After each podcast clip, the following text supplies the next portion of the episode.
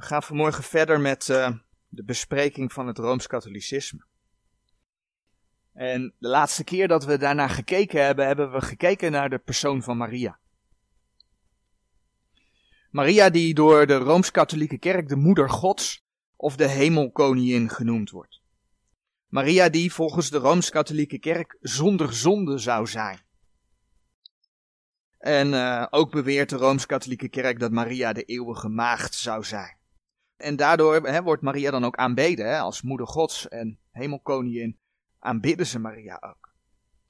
Nou, we hebben in Gods woord gezien dat er geen enkele aanwijzing is dat we Maria zouden moeten aanbidden. Sterker nog, Maria was een gewone vrouw. Een gewone vrouw die weliswaar gezegend was in het feit dat zij de verlosser op aarde geboren mocht doen worden. Maar dat maakt haar niet de moeder Gods. De Heer laat in zijn woord zelfs zien dat Maria net als alle andere mensen gewoon een, zondig mens was en dat zij een redder nodig had. De Heer laat in zijn woord zien dat Maria na de Heer Jezus andere kinderen heeft gekregen. Dus ze is zeker ook niet de eeuwige maagd. Nou, in de titel hemelkoningin, die zij krijgt, ja, die is notabene in Gods woord gekoppeld aan afgodsverering afgodenverering. En dat maakt dus dat Rome zich niet bezighoudt, en daar zijn we toen mee afgesloten, met de verering van eh, de Bijbelse Maria, maar dat zij een duivel vereert.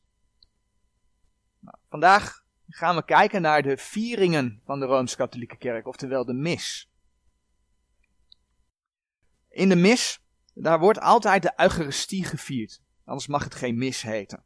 En de Eucharistie, dat is het zogenaamde misoffer. De catechismus van de Rooms-Katholieke Kerk zegt daar een aantal dingen over. En dat gaan we niet allemaal lezen, maar ik heb er vier alinea's uitgehaald. En die wil ik lezen. En daar gaan we vanmorgen op in. Om te zien wat, wat zegt nou de Rooms-Katholieke Kerk zelf over die mis. En ja, wat zegt dan Gods woord daarover. Dus ik lees allereerst alinea 1330 voor. Gedachtenis van het lijden en de verrijzenis van de Heer. Heilig offer omdat dit sacrament het ene offer van Christus, onze Verlosser, tegenwoordig stelt en de offergave van de kerk insluit, of ook heilig misoffer, offer van lof, een geestelijk zuiver en heilig offer, aangezien het alle offers van het oude verbond voltooid en overstijgt. Alinea 1364. De gedachtenis krijgt in het Nieuwe Testament een nieuwe betekenis. Wanneer de kerk de Eucharistie viert, gedenkt zij het Pasen van Christus dat tegenwoordig gesteld wordt. Het offer dat Christus eens en voor altijd op het kruis gebracht heeft, blijft een levende werkelijkheid. Telkens wanneer wij het kruisoffer, waardoor ons paaslam Christus is geslacht, op het altaar vieren, wordt het werk van onze verlossing voltrokken. Heel even tussendoor. Als je die woorden leest, eens en voor altijd, dan klinkt dat heel bijbels, hè? Maar let op die laatste zin. Telkens als zij dat offer vieren, wordt het werk van onze verlossing voltrokken. Ik ga even verder, want we komen er zo op terug, maar ik wou dat tussendoor alvast even gezegd hebben. Alinea 1365, omdat zij de gedachtenis is van het paasmysterie van Christus, is de Eucharistie ook een offer. Het offerkarakter van de Eucharistie komt in de instellingswoorden zelf tot uiting. Dit is mijn lichaam dat voor u gegeven wordt, en deze beker is het nieuwe verbond in mijn bloed dat voor u wordt vergoten. In de Eucharistie geeft Christus hetzelfde lichaam dat hij voor ons op het kruis gegeven heeft. Hetzelfde bloed dat voor velen vergoten wordt tot vergeving van zon. En nog één alinea, 1413. Door de consecratie geschiet de transsubstantiatie van het brood en de wijn in het lichaam en het bloed van Christus. Onder de geconsacreerde gedaante van brood en wijn is de levende en verheerlijkte Christus zelf aanwezig op waarachtige, werkelijke en wezenlijke wijze, zijn lichaam en zijn bloed, met zijn ziel en zijn godheid. Oftewel, de Rooms-Katholieke Kerk beweert dat zij Jezus Christus in de mond stoppen, opkouwen en doorslikken. Want dat staat daar. Dat staat daar. Kan ik amen zeggen, maar ik kan er iets meer over zeggen. Ondanks dat de Rooms-Katholieke Kerk zegt dat de Eucharistie een geestelijk offer is. Hè? Want de Bijbel leert dat we vandaag de dag geestelijke offers kunnen brengen. Dankoffers, lofoffers. Daar gebruiken ze Bijbelse woorden. Maar zij stelde heel duidelijk dat het om een offer gaat waarin het lichaam van de Heer Jezus en zijn bloed in deze tijd opnieuw geofferd worden. En dat deze elke keer opnieuw verlossing teweeg brengt. Ik bedoel, dat hebben we net gelezen. En dat gaat tegen de woorden van God zelf in. De Heere God laat in zijn woord zien dat het offer van de Heer Jezus, en er komen die woorden, eens en voor altijd gebracht is. Dus er wordt vandaag de dag niet geofferd. Dat offer van de Heer Jezus, laten we naar Hebreeën 10 bladeren, dat offer van de Heer Jezus was volmaakt. Dat hoeft niet telkens opnieuw plaats te vinden. In Hebreeën 10 vers 9. Hebreeën 10 vers 9. Daar lezen we, toen sprak hij, zie ik kom om uw wil te doen, o God. Hij neemt het eerste weg om het tweede te stellen, in welke wil wij geheiligd zijn door de offeranden des lichaams van Jezus Christus, eenmaal geschied. Het offer van het lichaam van de Heer Jezus is eenmaal gebeurd. Dus ieder die zegt dat het lichaam van de Heer nu weer geofferd wordt, is in strijd met Gods woord. Dat offer gaat niet de hele geschiedenis door tot op het moment dat hij terugkomt. Vers 14 van Hebreeën 10. Want met één offerande heeft hij in eeuwigheid volmaakt degene die geheiligd worden. De gelovige wordt dus volmaakt door die ene offerande. Er is vandaag de dag geen offer meer voor nodig. Het offer van Jezus Christus was volmaakt. En als we dan naar Efeze 1, vers 13 en 14, bekende versen voor ons, bladeren, dan zie je dat je als wederomgeborene niet elke keer opnieuw verlost hoeft te worden. Als je wederom geboren bent, dan ben je namelijk verlost. Punt. Efeze 1, vers 13 en 14. Maar daarin zie je hoe de kerk door handelingen zichzelf iets toe-eigent wat aan God toebehoort. De kerk wil verlossen. De Rooms-Katholieke kerk wil verlossen. Zij denken dat zij bepalen wie er in de hemel komt of niet. Wie er een kans maakt om in de hemel te komen, hè, want ze weten het nooit zeker. Maar de Heer zegt in Efeze 1, vers 13 en 14: In welke ook gij zijt, hè, in welke in Christus, in welke ook gij zijt nadat gij het woord der waarheid, namelijk het evangelie zaligheid, gehoord hebt. In welke gij ook nadat gij geloofd hebt, dus je hoort het woord, je komt tot geloof door het verkondigde woord. Zijt verzegeld geworden met de heilige geest der belofte, dus horen, geloven, verzegeld worden die het onderpand is van onze erfenis tot de verkregen, verkregen verlossing. Als je gehoord hebt, als je geloofd hebt, als je dus daardoor verzegeld bent, dan heb je de verlossing verkregen. Dus hoezo moet die verlossing elke keer, elke zondag, misschien zelfs wel in sommige streken elke dag, volbracht worden? Het is echt je reinste onzin op basis van Gods woord. De verlossing is voltrokken voor het kind van God. Ja, maar de ongelovige dan? Ja, natuurlijk. Die moet nog verlost worden. Maar die gaat als het goed is niet aan het avondmaal, want dat is een gedachtenismaaltijd voor degenen die de Jezus kennen. Ik gebruik even met opzet het woordje avondmaal, en dat is natuurlijk het Bijbelse woord. De Rooms-Katholieke Kerk maakt daar wat anders van. Als gemeente van Jezus Christus hoeven we dus niet meer te offeren. En doen we dat wel, dan voegen we ons of onder de wet, want daar werden offers gebracht, of we gaan ons bezighouden met afgodische rituelen. Nou, en dat is exact waar Rome mee bezig is. Het woord transubstantiatie kwam voorbij.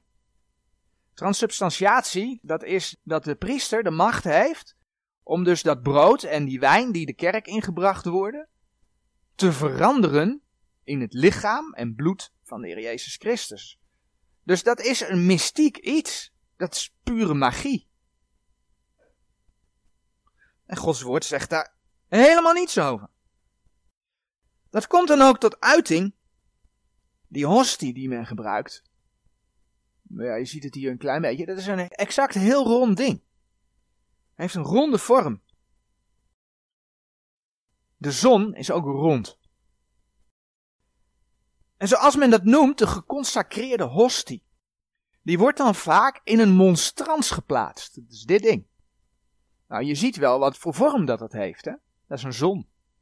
En midden in die zon komt dan die hostie, een geconsacreerde hostie, een heilige hostie in de vorm van de zon. En wat doet men daarmee? Dat gaat men aanbidden. Want ja, wat daarin zit, moet je je even voorstellen, dat is dus volgens de Rooms-Katholieke Kerk het lichaam van de Heer Jezus Christus. Dus dat kun je dan aanbidden. Maar wat gebeurt er dan? Dan wordt er een zon aanbeden. Baal. Gods woord. Baal, de zonnegod. Dat is waar Rome mee bezig is. Aanbidding van de zonnegod. Baal. Op de hostie staat vaak een kruis afgebeeld. Maar ook worden daar wel, heb ik vernomen, de letters IHS op afgebeeld. En die letters zouden dan betekenen Jezus, verlosser van de mens. Maar die letters IAS die komen ook in het oude Egypte al voor. Alleen dan staat het voor Isis, Horus en Seb. Egyptische goden. Nou, laten we dan Jeremia 7, vers 18 opzoeken. bedenk dat Rome in die, in die missen ook, ook Maria aanbidt. En dan lezen we Jeremia 7, vers 18. Het is gewoon een kopie van het Babylonische heidendom. Afgodsverering.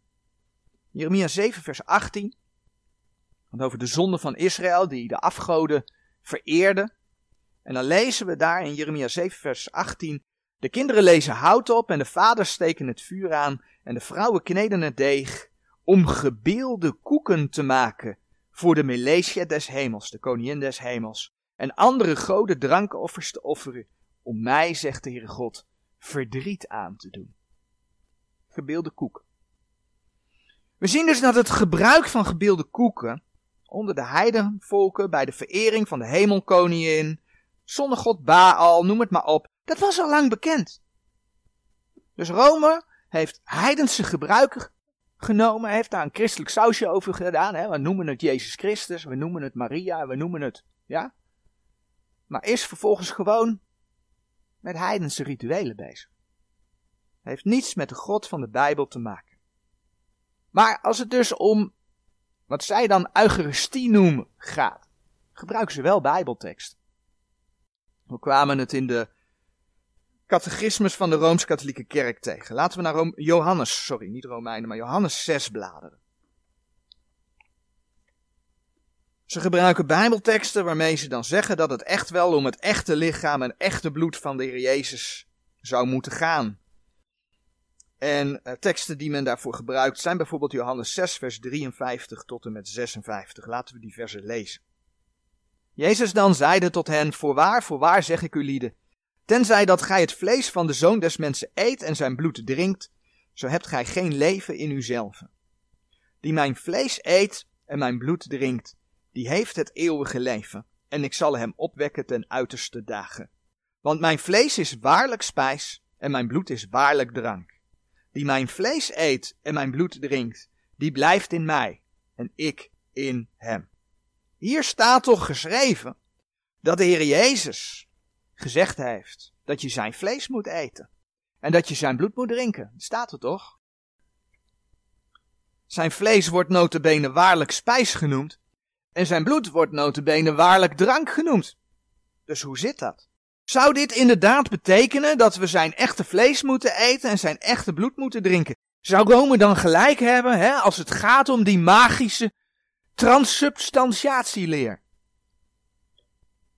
Want ja, de Heer Jezus is hier niet meer aanwezig. Die is in de hemel bij de Vader, zegt de schrift. Als dat zo zou zijn, dan zou Gods woord met zichzelf in tegenspraak zijn. Want door de hele Bijbel heen, door verschillende bedelingen heen, laat de Heere God zien dat Hij niet wil dat mensen bloed eten of drinken. Nog voor de wet, en dan bladeren we naar Genesis 9. Nog voor de wet gaf de Heere aan Noach een opdracht. In Genesis 9, vers 4. Genesis 9, vers 4, dan lezen we doch het vlees met zijn ziel, dat is zijn bloed, zult gij niet eten. Onder de wet, Leviticus 17, eh, vers 10, Leviticus 17, vers 10, zegt de Heer tegen het Joodse volk het volgende. En een ieder uit het huis Israëls en uit de vreemdelingen die in het midden van hen als vreemdelingen verkeren, die enig bloed zal gegeten hebben tegen diens ziel, die dat bloed zal gegeten hebben, zal ik mijn aangezicht zetten en zal die uit het midden haars volks uitroeien. God wilde niet dat er bloed gegeten werd. Komt hij tijdens het begin van de gemeentetijd, is voor ons weer belangrijk, kregen de gelovigen uit de heidenen de volgende opdracht. En dan bladeren we naar Handelingen 15. Handelingen 15, vers 28 en 29. De Joden die wilden dat de heidenen ook de wet gingen houden, dat lees je daar in de context. En toen hebben ze vergaderd, de apostelen, en toen is er dit uitgekomen. Dat de heidenen, de gelovigen uit de heidenen, de wet niet hoeven te houden. Maar wordt er dan gezegd, het is wel goed als jullie aan deze dingen houden. Nou, en dat gaan we nu lezen. Handelingen 15, vers 28. Want het heeft de Heilige Geest en ons goed gedacht, u lieden geen meerdere last op te leggen dan deze noodzakelijke dingen. Namelijk dat gij u onthoudt van hetgeen de afgoden geofferd is, en van bloed, en van het verstikte, en van hoerij. Van welke dingen, indien gij uzelf wacht, zo zult gij wel doen. Vaart wel. Van bloed onthouden, geen bloed eten of drinken. Dat mag duidelijk zijn. Het kan niet duidelijker. Zou dan diezelfde Heere vervolgens gebieden dat je zijn letterlijke bloed moet drinken? Nee. Want dan zou zijn woord in tegenspraak zijn. Dan zou hij liegen. Hij kan niet liegen, zegt Gods woord. Titus 1 vers 2, in het Oude Testament kom je het ook tegen. God kan niet liegen. Dus het kan niet betekenen dat wij zijn letterlijke bloed moeten drinken. Als we dan terugbladeren naar Johannes 6, gaan we in de directe context kijken voor het antwoord.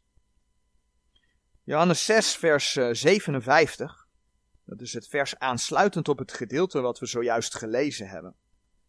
Zegt gelijkerwijs mij de levende Vader gezonden heeft. En ik leef door de Vader. Alzo die mij eet, dezelfde zal leven door mij.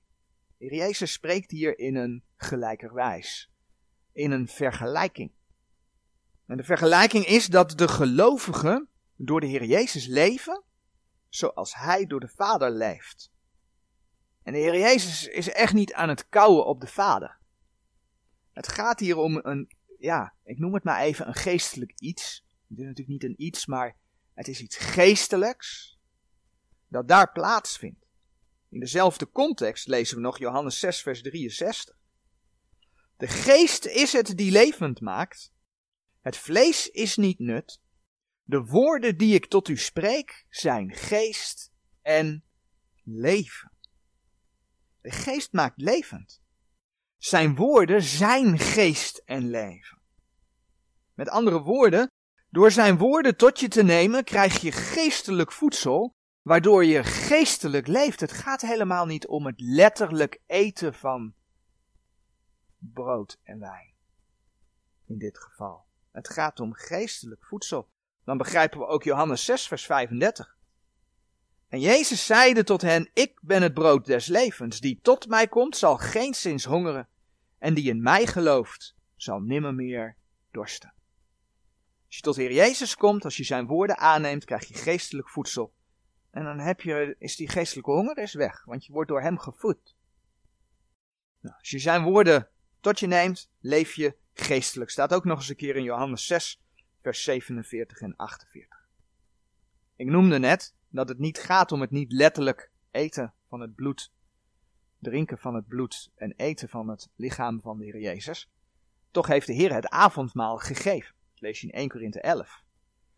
Het mooie is dat de Heer in zijn woord laat zien, en daarvoor bladeren we naar 1 Korinthe 10, dat het niet gaat om een gemeenschap met het letterlijke vlees en letterlijke bloed van de Heer Jezus, maar dat door het verbroken lichaam van de Heer te gedenken, door één brood te breken, door het vergoten bloed van de Heer te gedenken, door te drinken van de drinkbeker der dankzegging, dat de gemeente gemeenschap heeft met elkaar.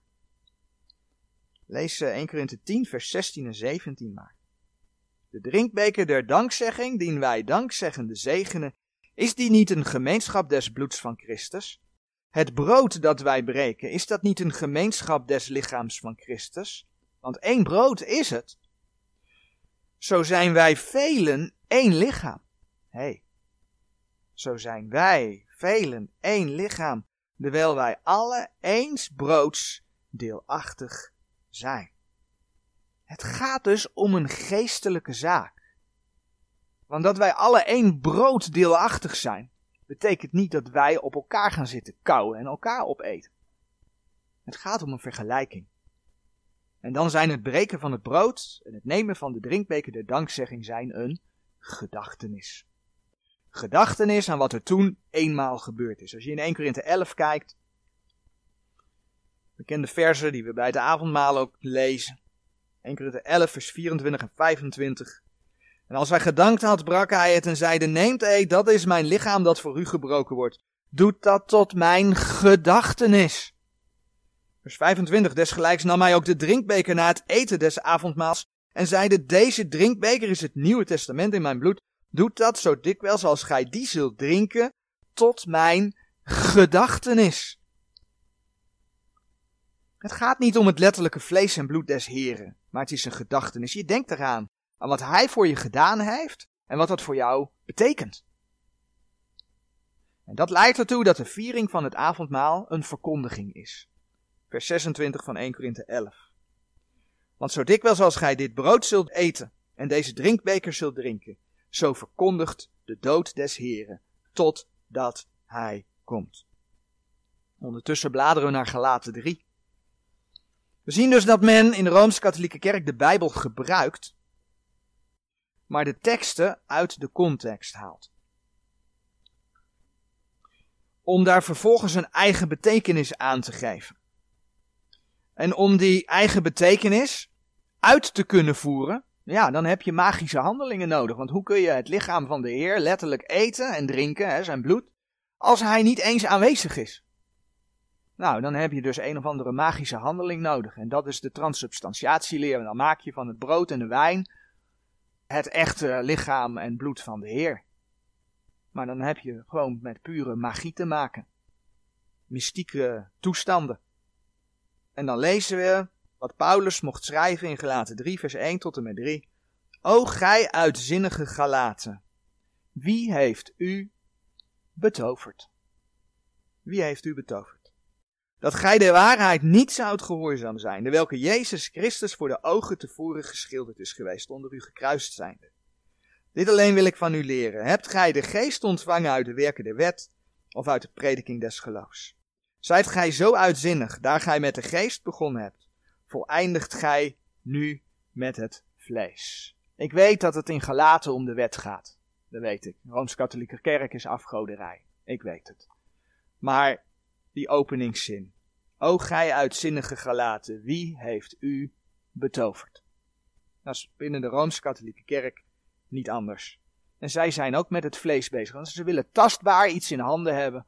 En ze willen tastbaar, willen ze iets ja, kunnen aanbidden, kunnen vereren. Met de mis. Als we kijken naar wat Gods woord erover zegt. En de daarbij horende Eucharistie is dus gewoon heel veel mis. Amen.